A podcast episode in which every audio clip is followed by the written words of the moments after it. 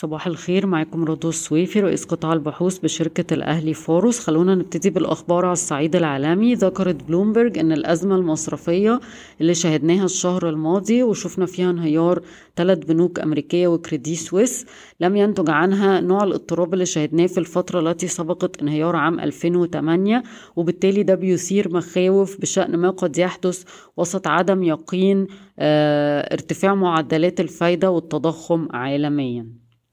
خلونا ننتقل لمصر انخفض صافي الأصول الأجنبية في مصر إلى سالب 23 مليار دولار في فبراير من سالب 21.7 من عشرة مليار دولار في يناير. وده طبعا انخفاضا من موجب 20.5 مليار دولار في فبراير 2021 بلغت العقود الآجلة غير القابلة للتسليم لمدة 12 شهر للجنيه المصري 41 مقابل الدولار.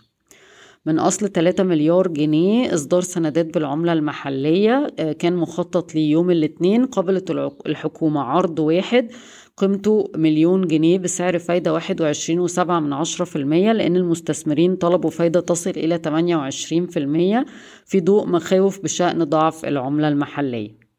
البنك الأهلي المصري وبنك مصر جمعوا 122 مليار جنيه في الشهادتين اللي تم إصدارهم أول الأسبوع. ما بين 7 مليار دولار خصصها البنك الدولي لمشروعات مع الحكومة المصرية هيتم تنفيذها ما بين عام 23 و 27 السنة دي هيتم تنفيذ خمس مشاريع بقيمة 2.3 من عشرة مليار دولار. بدأ المستثمرون في تقديم عروض زيادة رأس المال لشركة الفنادق اللي أنشأتها الحكومة المصرية حديثا وفقا لما ذكره الرئيس التنفيذي للصندوق السيادي في مصر حيث يقوم الصندوق بتصفية العروض قبل إرسالها للسلطات المختصة لاتخاذ القرار النهائي.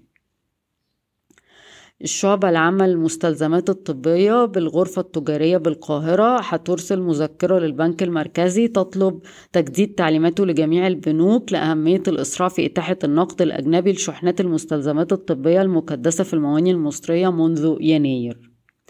أعلنت الهيئة العامة لقناة السويس الانتهاء من 72% من أعمال تطوير ميناء العين السخنة.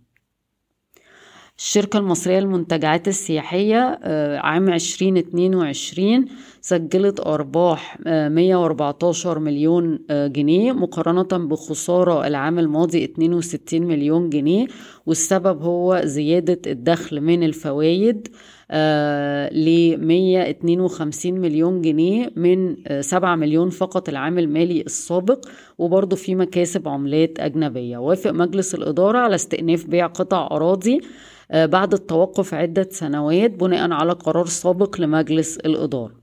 شركة مصر للألمنيوم توصلت لاتفاقية تمويل قصيرة الأجل مع بنك قناة السويس بقيمة 12 مليون يورو لشراء ماكينة أسلاك إيطالية بطاقة 500 طن شهريا. أعلنت الشركة عن دفع 35% من قيمة الاستثمار مقدما. بنك البركة مصر في مناقشات لزيادة حصته في شركة التوفيق للتأجير التمويلي لأكثر من 10% من السبعة ونص في المية اللي هي الحصة الحالية بالإضافة إلى ذلك في محادثات للاستحواذ على 10% من تالي اللي هي منصة المدفوعات الإلكترونية لبنك القاهرة. شركة أوراسكوم للاستثمار القابضة أعلنت نتائج عام 2022 بصافي ربح 368 مليون جنيه مقارنة بخسائر 113 مليون جنيه في عام 2021 وده بسبب مكاسب العملات الأجنبية اللي هي جزء منها 140 مليون جنيه وفي إعادة تقييم لبعض الحسابات قيمته 328 مليون جنيه. ودلوقتي السهم بيتم تداوله عند مضاعف ربحية ثلاث مرات والشركة قالت إنها بتستعد لتأسيس شركة جديدة في مصر تحت اسم تي إل للتجارة والخدمات اللوجستية وهتخش فيه مشروعين جداد واحد في مجال الطاقة المتجددة والسيارات الكهربائية والتاني عن منصة تجارية بتخدم التجارة في أفريقيا. جلاكسو سميث كلاين في عام 22 قفزت أرباحها أربع مرات ل 753 مليون جنيه مصري بسبب النمو في الإيرادات 80% ل 1.8 من عشرة مليار جنيه والسهم بيتم تداوله عند مضاعف ربحية تسع مرات لعام 2022 بشكركم ويوم سعيد.